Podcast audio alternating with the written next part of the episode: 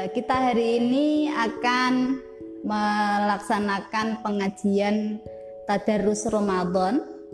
Ini adalah program rutin di PAC Fatayat NU Margoyoso Pati eh, setiap Ramadan eh, dari tahun 2015 itu kita mengadakan kajian rutin di bulan Ramadan. Nah, karena tahun ini kita sedang menghadapi uh, pandemi COVID-19 sehingga membuat kita tidak bisa berkumpul.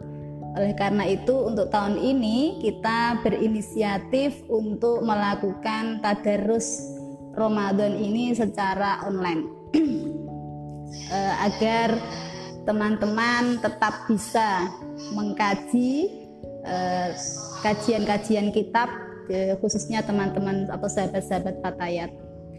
Nah, sebelum kita mulai, eh, saya ingin sedikit memberikan pengantar eh, terkait dengan pemilihan kitab ini. Kitab yang kita akan kaji hari ini namanya adalah kitab As-Sittin Al-Adliyah fil Ahaditsin Nabawiyah Asyarifah an taqwiyati huquqil mar'ah al-muslimah. Kitab ini adalah kumpulan hadis-hadis dari Nabi Rasulullah Shallallahu Alaihi Wasallam yang khusus temanya adalah tentang perempuan.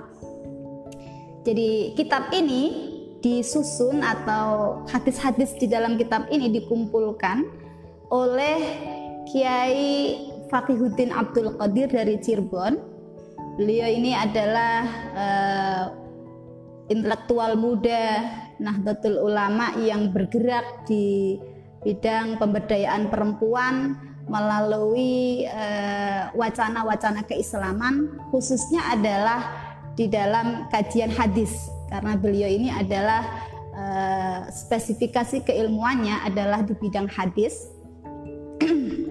Dan beliau juga mengarang kitab-kitab yang lain termasuk yang masterpiece dari karya doktoralnya yaitu kitab Mubadalah yang sekarang juga dikaji di mana-mana.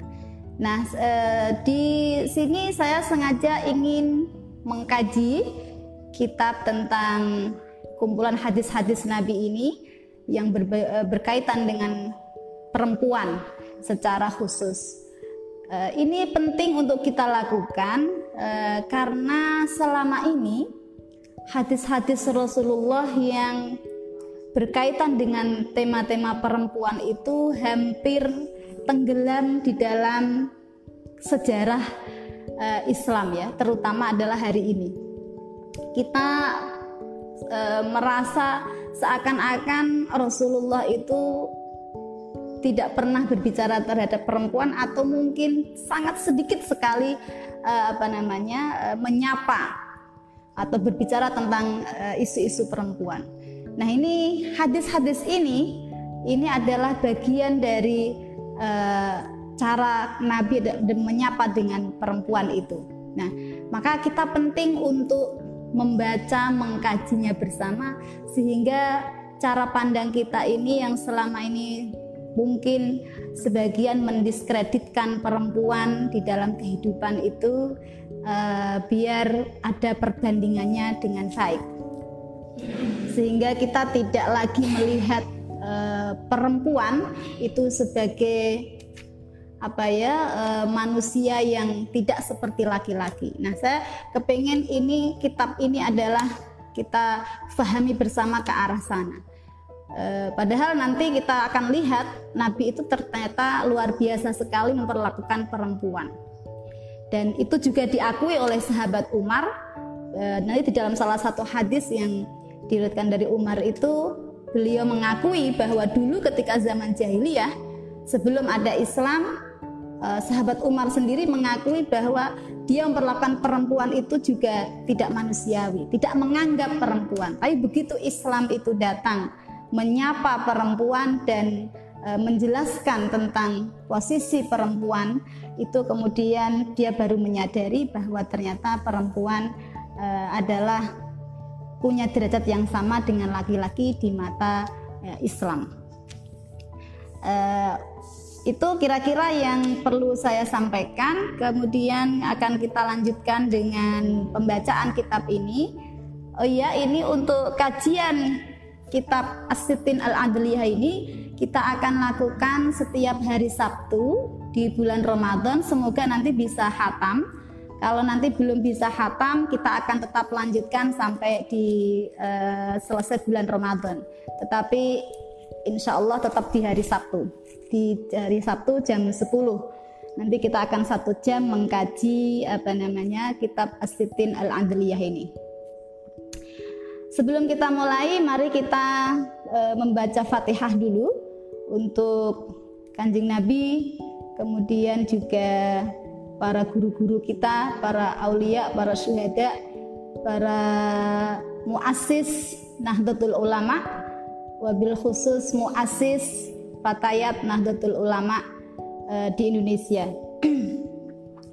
A'udzubillahi minasyaitonir rajim. Bismillahirrahmanirrahim. Ila hadratin nabiyil mustafa Muhammadin sallallahu alaihi wasallam.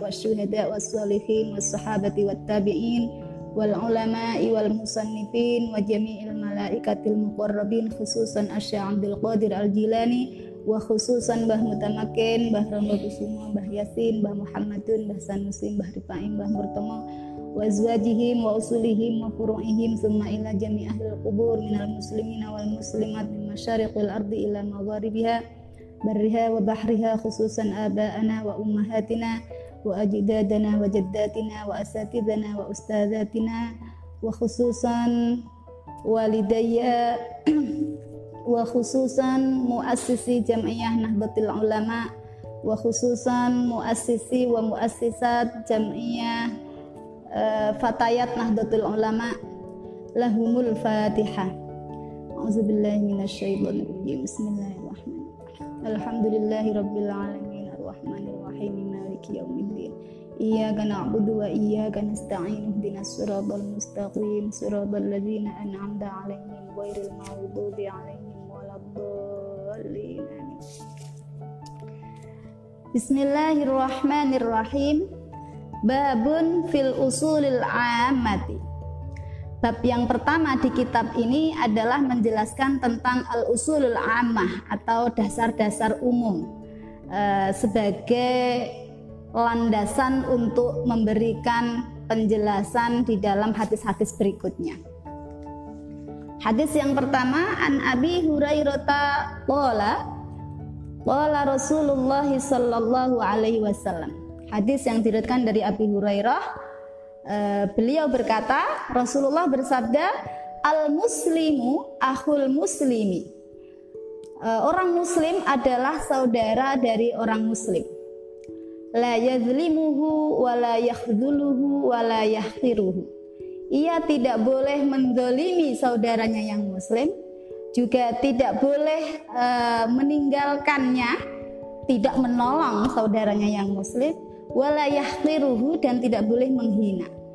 Jadi sesama muslim ini adalah saudara yang tidak boleh saling mendolimi, saling menghina atau tidak mau menolongnya, membiarkannya dalam keadaan yang sulit. Ini tidak boleh. Di sini e, menjadi dasar paling utama ketika kita membangun relasi menurut saya. Jadi intinya adalah sesama muslim itu tidak ada status yang membedakan baik berdasarkan apa namanya status sosial atau status apa namanya uh, gendernya berdasarkan gendernya atau jenis kelaminnya berdasarkan apa ras, suku, bangsa tidak ada. Semuanya e, bagi apa namanya e, Islam al muslimu akhul muslim. Jadi kita ini semuanya adalah saudara sehingga tidak dibenarkan kita ini melakukan penganiayaan terhadap saudara kita sama muslim dengan alasan apa pun. Baik itu berdasarkan perbedaan ras, suku, bangsa maupun perbedaan jenis kelamin. Nah, di sini yang paling penting. Jadi eh, termasuk adalah juga perbedaan aliran misalnya ini tidak dibenarkan untuk kita kemudian saling mendolimi atau saling eh, menghina. At-taqwa hahuna. Takwa itu di sini. Wa yushiru ila sadrihi, Nabi memberikan isyarah uh, pada dadanya at-taqwa hahuna. Takwa itu di dalam hati, tidak diperlihatkan di dalam apa namanya di di dalam apa uh, tampak yang secara fisik tidak wa yushiru ila sadrihi salah samarrotin. Jadi dia beliau mengisarahkan at-taqwa hahuna itu tiga kali dan menunjuk ke dadanya. Bihasa bimri'in minasyarri ayyahqira akhahul muslim. Cukup bagi seorang muslim itu uh, untuk melihat kejelekannya atau keburukannya itu adalah diukur dari uh, penghinaan dia terhadap saudaranya yang muslim. Artinya kalau kita melihat seseorang kok seringnya menjelek-jelekan saudaranya yang muslim sendiri, nah itu sebenarnya di situlah ukuran seseorang itu untuk cukup dikatakan sebagai orang yang yang ya yang tidak baik begitu. Maka uh, kalau kita sedikit-sedikit membuli, sedikit-sedikit menghina, sedikit-sedikit apa namanya e, merendahkan orang lain berarti itulah ukuran diri kita sendiri. Bukan orang lain yang kita jelekkan justru kita sendiri yang berarti tampak bahwa diri kita ini sebenarnya sejelek itu. Kulul muslimi alal muslimi haramun damuhu wa maluhu wa irduhu. Kulul muslimi setiap muslim itu alal muslimi atas orang muslim yang lain haramun damuhu haram darahnya wa maluhu dan haram hartanya wa irduhu dan harga dirinya. Maksudnya bagaimana? Artinya berarti kita tidak boleh melukai sesama saudara kita muslim ini juga tidak boleh melukai hartanya juga tidak boleh mencederai harga dirinya. Karena kita adalah semuanya saudara. Rawahu muslimun. Hadis ini diriwayatkan oleh Imam Muslim Wa qala al-Imam Nawawi fi syarhil hadis, Imam Nawawi dalam syarahnya terhadap hadis ini mengatakan uh, al-khadlu tarkul i'anati wan nasri. Jadi di dalam hadis tadi ada kata-kata wala yakhdhuluhu itu maksudnya adalah ma apa maknanya uh, al-khadl di situ? Maksudnya adalah uh, tarkul i'anah, meninggalkan menolong, artinya tidak mau menolong orang lain. Tarkul i'anah wan nasr. Wa maknahu artinya apa? Tidak mau menolong, meninggalkan menolong ya tarkul i'anah. Wa maknahu idza sta'ana bihi fi daf'i zalimin wa nahwihi lazimahu i'anatuhu idza amkanahu. Artinya berarti kamu dilarang untuk melakukan khadzal itu itu berarti kalau ada saudara kita yang membutuhkan pertolongan fitaf izalimin untuk menolak orang yang menganiaya dirinya atau semacamnya lazimahu i'anatuhu ida amkanahu. Kita wajib memberikan pertolongan kepadanya semampu kita. Walam yakun lahu udhrun syar'iyyun. Kalau kita tidak punya atau orang tersebut tidak memiliki uzur syara artinya kita mampu menolong maka harus kita tolong semampu kita. Tidak boleh menghindar tidak boleh apa namanya pura-pura tidak tahu misalnya nah, tutup muka atau tutup mulut, tutup hidung, eh, tutup kuping ya, tidak mau mendengar. Nah, ini tidak boleh. Wa amma wala yahtiruhu eh, adapun kata-kata wala yahtiruhu ay la yahtaqiruhu. Jadi makna dari la yahtiruhu itu maksudnya adalah la yahtaqiruhu. Jadi tidak boleh menghinanya. Fala yungkiru alaihi wala yastaswiruhu wa yastaqilluhu. Maka tidak boleh mengingkari temannya yang muslim dan tidak boleh merendahkan, menganggap remeh, menganggap uh, orang lain itu lebih rendah dari dirinya atau wayastaqilluhu atau uh, men menyendiri dari orang lain. Artinya kita apa ya memisahkan diri atau bahasanya orang pati itu jota. Nah, ini tidak boleh sesama orang muslim tidak boleh melakukan itu. An Yahya Al-Mazini anna Rasulullah sallallahu alaihi wasallam qala la darara wa la dirara. Hadis dari Yahya Al-Mazini sesungguhnya Rasulullah sallallahu alaihi wasallam pernah bersabda la darara wa la dirara.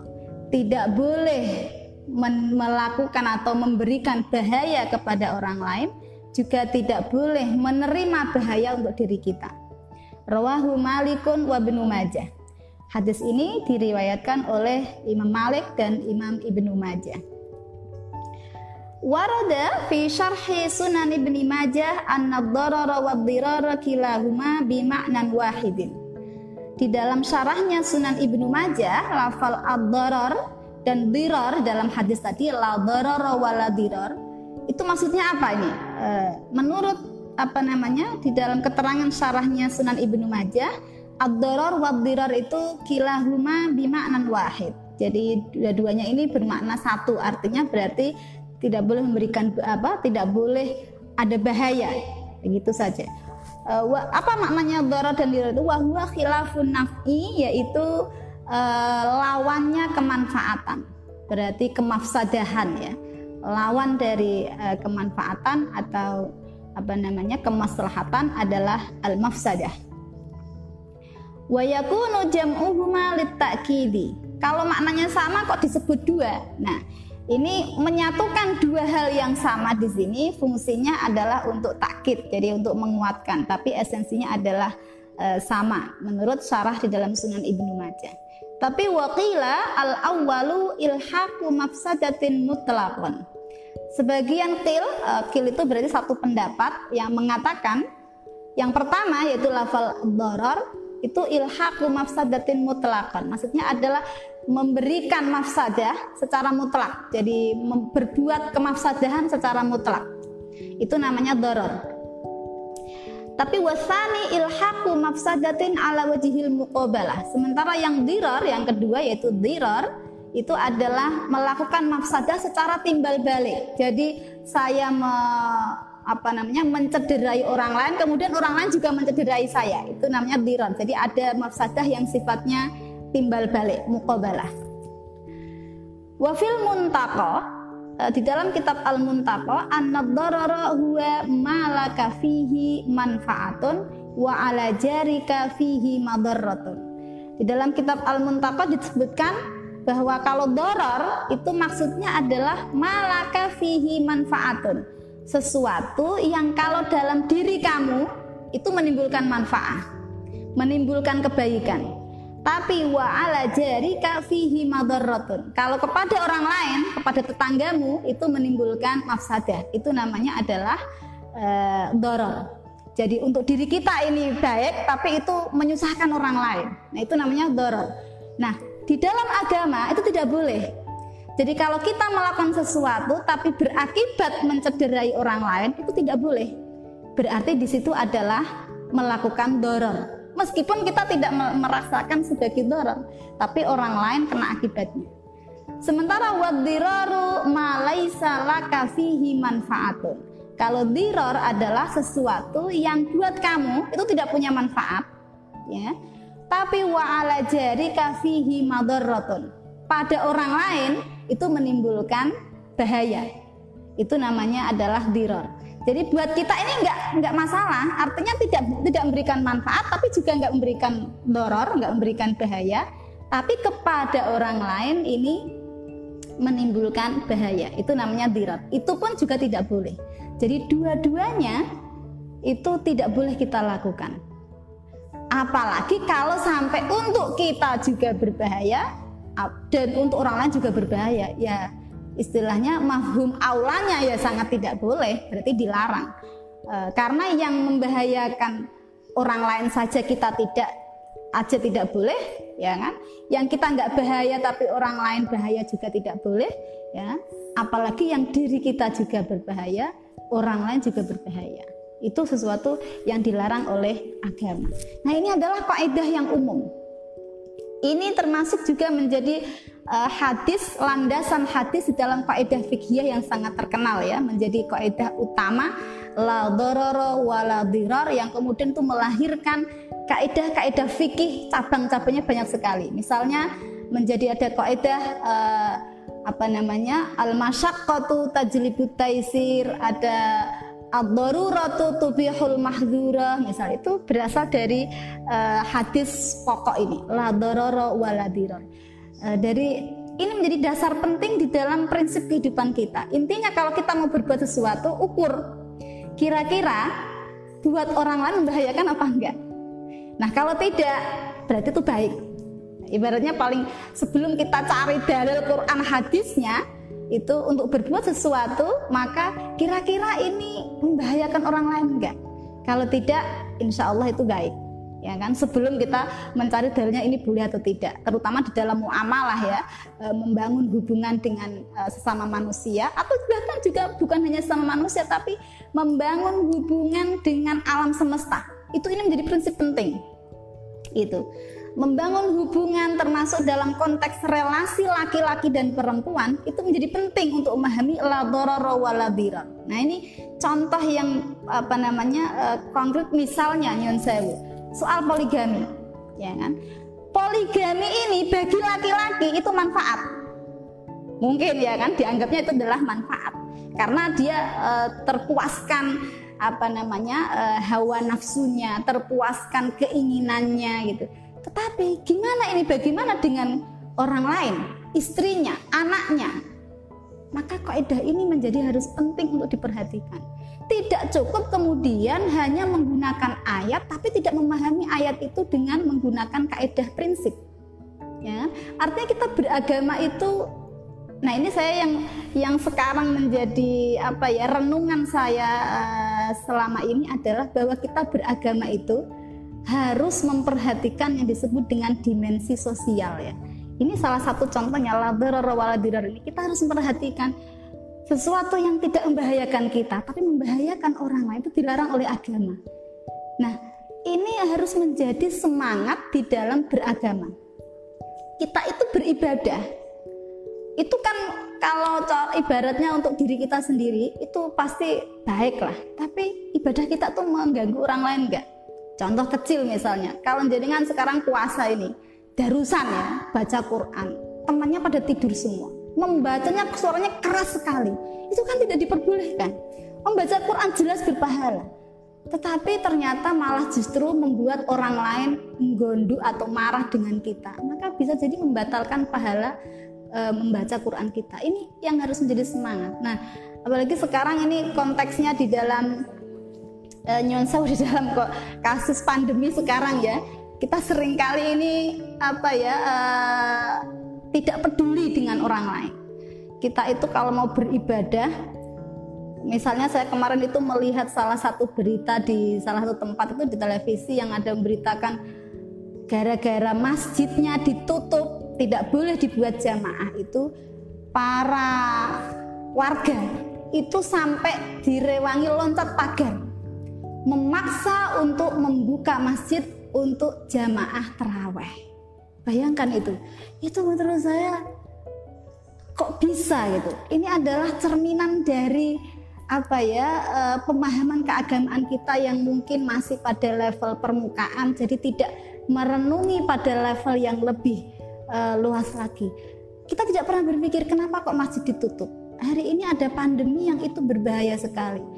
Kalau ini kemudian tidak ada pengaturan yang sedemikian rupa, itu bisa jadi penyebarannya semakin luas. Kita kemarin sudah uh, diingatkan ya uh, secara tidak langsung ketika ada perkumpulan-perkumpulan jamaah tertentu itu kemudian begitu keluar dari situ ternyata uh, menyebarkan beberapa orang yang akhirnya tertular virus itu. Ini menunjukkan bahwa kita belum punya kepekaan yang apa ya eh, kepekaan sosial di dalam beragama. Ini menurut saya penting. Hadis ini menjadi landasan di dalam prinsip kita menjalankan ibadah atau kita beragama. Hadis yang ketiga Anib Nuwasi bin Sam'ana al Ansari qala hadis dari diriwayatkan dari An Nuwas bin Sam'an al Ansari berkata Sa'altu Rasulullah sallallahu alaihi wasallam. Saya bertanya kepada Rasulullah Bertanya tentang apa? Anil birri wal ismi. Bertanya tentang kebaikan wal ismi dan dosa. Fakola maka e, Nabi menjawab, al birru husnul khuluqi. Kebaikan itu adalah husnul khuluqi. Kebaikan itu adalah e, akhlak yang baik.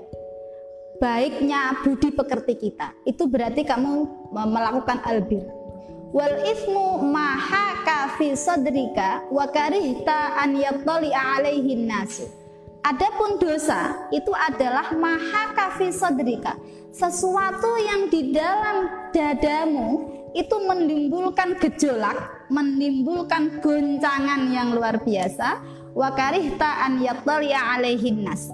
Dan kamu tidak suka untuk dilihat oleh orang lain. Itu adalah ifmu. Nah, ini menjadi apa ya? Uh, panduan kita mengukur perilaku kita dari situ. Apakah perilaku ini baik atau tidak? Berarti tergantung itu. Kalau itu adalah husnul khuluk termasuk budi pekerti yang baik, berarti termasuk albir. Tapi kalau ini adalah kalau kamu di dalam hatimu mau melakukan itu terjadi gejolak yang luar biasa, maka itu adalah al-ithm. Terjadi gejolak dan kamu tidak suka untuk diketahui oleh orang lain. Jadi kalau mau melakukan itu harus ngumpet-ngumpet. Nah, itu adalah ukuran sesuatu atau perbuatan itu dianggap sebagai uh, sebagai dosa.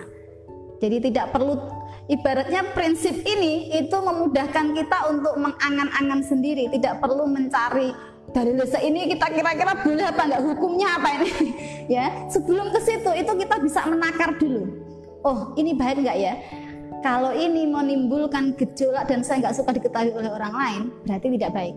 Kita langsung bisa ambil kesimpulan itu. Maka sampai hadis yang lain Nabi bilang istafti kolbak. E, mintalah fatwa kepada hatimu. Ya. E, hati itu insya Allah tidak pernah berbohong. Kita sering kali itu di dalam jiwa kita itu terjadi uh, punya kalau saya membahasakan tuh punya dua unsur. Yang satu ini adalah hati yang kita bisa biasa orang Indonesia tuh menyebutnya adalah nurani ya, hati nurani. Yang satu adalah nafsu. Nah, dalam diri manusia ini ada dua. Kalau kita itu uh, yang besar adalah nurani kita, maka setiap kita mau melakukan sesuatu pasti ada yang berontak. Ada yang bergejolak di sini. Ah, enggak, enggak mau ini dosa ah saya takut nggak boleh itu. Itu berarti yang mengatakan itu adalah hati kita. Tapi kalau yang mengajak nggak apa-apa itu nggak kelihatan orang itu nanti uh, istrinya nggak tahu. Nah ini ini adalah berarti di situ adalah uh, sesuatu yang tidak baik. Itu adalah ajakan dari nafsu kita ya kan? Nah ini atau misalnya sebagai perempuan mau melakukan sesuatu nggak apa-apa itu suamimu nggak tahu kok itu anak-anakmu nggak tahu tenang aja nanti eh, nggak uh, ada yang ketahui kecuali dirimu sendiri. Nah itu berarti ajakan nafsu. Tetapi dua hal ini sering kali apa namanya terjadi apa ya saling bertolak belakang dan kuat tidaknya berarti tergantung kita masing-masing merawatnya kalau kita sering lebih banyak merawat hati kita, berarti yang paling dominan adalah yang mengendalikan hati kita. Tapi kalau kita itu tidak pernah merawat hati kita, tapi kita merawat nafsu kita, maka yang dominan adalah nafsu kita. Merawatnya maksudnya berarti bagaimana? Ya selalu menuruti apa kata itu. Yang dituruti kata nafsunya, maka semakin hari semakin uh, kuat. Tapi kalau uh, yang dituruti adalah hatinya, maka hati juga semakin kuat. Sehingga kalau kita melakukan sesuatu itu ada alarm di dalam tubuh kita. Tapi kalau kita itu di dalam hati kita sudah nggak punya alarm, melakukan maksiat, melakukan perbuatan yang event itu tidak terjadi lagi gejolak, berarti nafsu kita ini sudah mulai mati. Ya. Rawahu Muslimun, hadis ini diriwayatkan oleh Imam Muslim. Wa qala Nawawi, Imam Nawawi berkata, wa makna haka fi sadrika. Adapun makna dari hadis tadi, redaksi hadis yang haka fi sadrika, ay taharraka fihi wa taraddada. Artinya adalah e, goncangan ya, taharruk itu e, gerakan yang molak-malik wa taraddada itu molak-malik walam yansharih lahu as-sadru dan dada kita atau hati kita itu belum menerima pencerahan, belum terbuka. Wa hasala fil qalbi minhu dan E, menghasilkan di dalam menghasilkan keraguan di dalam hati kita wa kaunihi dzamban dan ada ketakutan bahwa apa yang kita lakukan itu adalah dosa. Nah, ini apa namanya yang disebut dengan ism. Hadis yang keempat an Jabir bin Abdullah radhiyallahu anhu anna Rasulullah sallallahu alaihi wasallam qala. Diriwayatkan dari Jabir bin Abdullah Sesungguhnya Rasulullah bersabda, Inna min ahabbikum ilayya wa aqrabikum minni majlisan yaumal qiyamati ahasinukum akhlaqan. Uh, sesungguhnya termasuk orang yang paling aku sayangi, yang paling aku cintai dan orang yang paling dekat denganku uh, posisinya nanti di hari kiamat adalah ahasinukum akhlaqan, orang yang akhlaknya paling baik. Wa inna abghadakum ilayya dan sesungguhnya orang yang paling apa namanya uh, saya benci wa ab'adakum minni majlisan dan orang yang paling jauh dari aku uh, tempat posisinya nanti yaumal qiyamati itu adalah uh, asar saruna itu adalah asar sarun wal mutasyaddiquna wal mutafaihiquna yaitu asar farun wal mutasyaddiqun dan wal mutafai wal mutafaihiqun. Siapa maksudnya orang-orang itu? Warada fi tuhfatil ahwazi anna sarsaruna hum al mukathiruna al kalama. Uh, siapa yang dimaksud dengan asar sarun? Asar sarun ini dalam keterangan di kitab At-Tuhfah miliknya Imam Al-Ahwazi itu adalah al-mukathiruna al-kalama, orang yang berbanyak bicara. Jadi apa namanya suka ngerumpi, suka ngebual ya, banyak ngomongnya. Takallufan wa khurujan anil haqqi. Keluar banyak bicaranya tapi bicara yang keluar dari kebenaran. Itu adalah asar sarun. Itu termasuk orang yang dibenci oleh Nabi dan orang yang paling jauh posisinya nanti dari Nabi di hari kiamat. Wal mutasyaddiquna hum al mustahzi'una nasa. Adapun yang dimaksud dengan al mutasyaddiqun di dalam hadis tadi itu adalah mereka yang suka menghina manusia. Jadi sukanya membuli, ya, merendahkan, menghina orang lain itu disebut mutasyaddiqun. Itu termasuk abu ilayya wa ab'adukum minni tadi wal mutafaihiquna hum al mutakabbiruna. Adapun yang dimaksud al mutafaihiqun dalam hadis di atas itu hum al mutakabbiruna yaitu orang-orang yang sombong.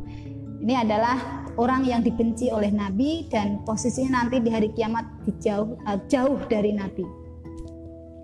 Hadis yang kelima an Abi Hurairah radhiyallahu anhu qala Rasulullah sallallahu alaihi wasallam. Dari dari diriwayatkan dari Abi Hurairah ia berkata Rasulullah bersabda man la yarhamu la yurham man barang siapa la yarhamu tidak apa namanya tidak menyayangi ya la yurhamu maka dia tidak disayangi. Rawahul Bukhari hadis ini diriwayatkan oleh Imam Bukhari jadi orang yang tidak mau e, saling menyayangi dengan orang lain maka dia juga tidak disayangi oleh e, orang lain Nah, dalam hadis yang lain misalnya ada perintah irham man fil ardi yarham man fis sama. Kalau uh, sayangilah orang-orang yang di bumi ini, maka kamu akan disayangi oleh orang-orang yang di langit. Nah, jadi prinsip di dalam kehidupan ini penting untuk uh, apa ya uh, di dalam melakukan sesuatu membangun muamalah dengan orang lain itu harus dengan prinsip kasih sayang dengan prinsip uh, rahmah ya. Ada kasih sayang karena dengan kasih sayang itulah kita akan mendapatkan kasih sayang dari orang lain. Dan apa namanya? Ini menjadi prinsip dasar karena kita adalah sesama manusia yang harus saling menghormati, tidak boleh tadi la yazlimuhu wa la yakhzuluhu wa la yahqiruhu. Nah, ini harus menjadi prinsip di dalam membangun relasi, termasuk adalah relasi antara laki-laki dan perempuan. Jadi uh, kalau kita apa namanya membangun relasi dengan prinsip ini, insya Allah akan berujung pada yang disebut dengan kemaslahatan ya. Makanya ini menjadi uh, masuk dalam al usul amah jadi prinsip dasar di dalam membangun relasi kehidupan kita ini baik relasi eh, laki-laki perempuan relasi apa ya ukhuwah yang basyariah ukhuwah watoniyah, ukhuwah apa uh, bahwa apa ukhuwah ya ukhuwah bukan hanya basaria tapi bahkan juga apa seluruh makhluk ya ukhuwah makhlukiyah ya seluruh makhluk hidup ini itu dengan prinsip kasih sayang. Bukan hanya dengan manusia tapi juga manusia dengan hewan manusia dengan tumbuhan dengan alam semesta termasuk itu harus menggunakan prinsip dasar ini. Man, uh, man, man layarham layurham itu penting sekali. Jadi kita harus mengasihi antar sesama makhluk Allah karena dengan sebenarnya ini semuanya adalah menunjukkan esensi dari ajaran tauhid yang dibawa oleh Nabi. Karena tauhid itu kan kita sebenarnya mendeklarasikan diri dengan ucapan la ilaha illallah, tiada Tuhan selain Allah. Berarti kita sudah mengakui bahwa semua selain Allah adalah makhluknya. Adalah hamba. Tidak ada Tuhan berarti selain itu adalah hamba. Yang menjadi Tuhan hanyalah Allah. Maka karena semuanya sama-sama hamba, apa bedanya saya dengan jenengan? Apa bedanya saya dengan laki-laki? Apa bedanya saya dengan kucing ya kan? Semuanya hambanya Allah, maka kita harus menjalin hubungan dengan mereka ini e, dengan prinsip kasih sayang, saling menghormati dan saling menghargai. Ya, ini menjadi penting di dalam uh, prinsip dasar membangun muamalah kita uh, sehari-hari.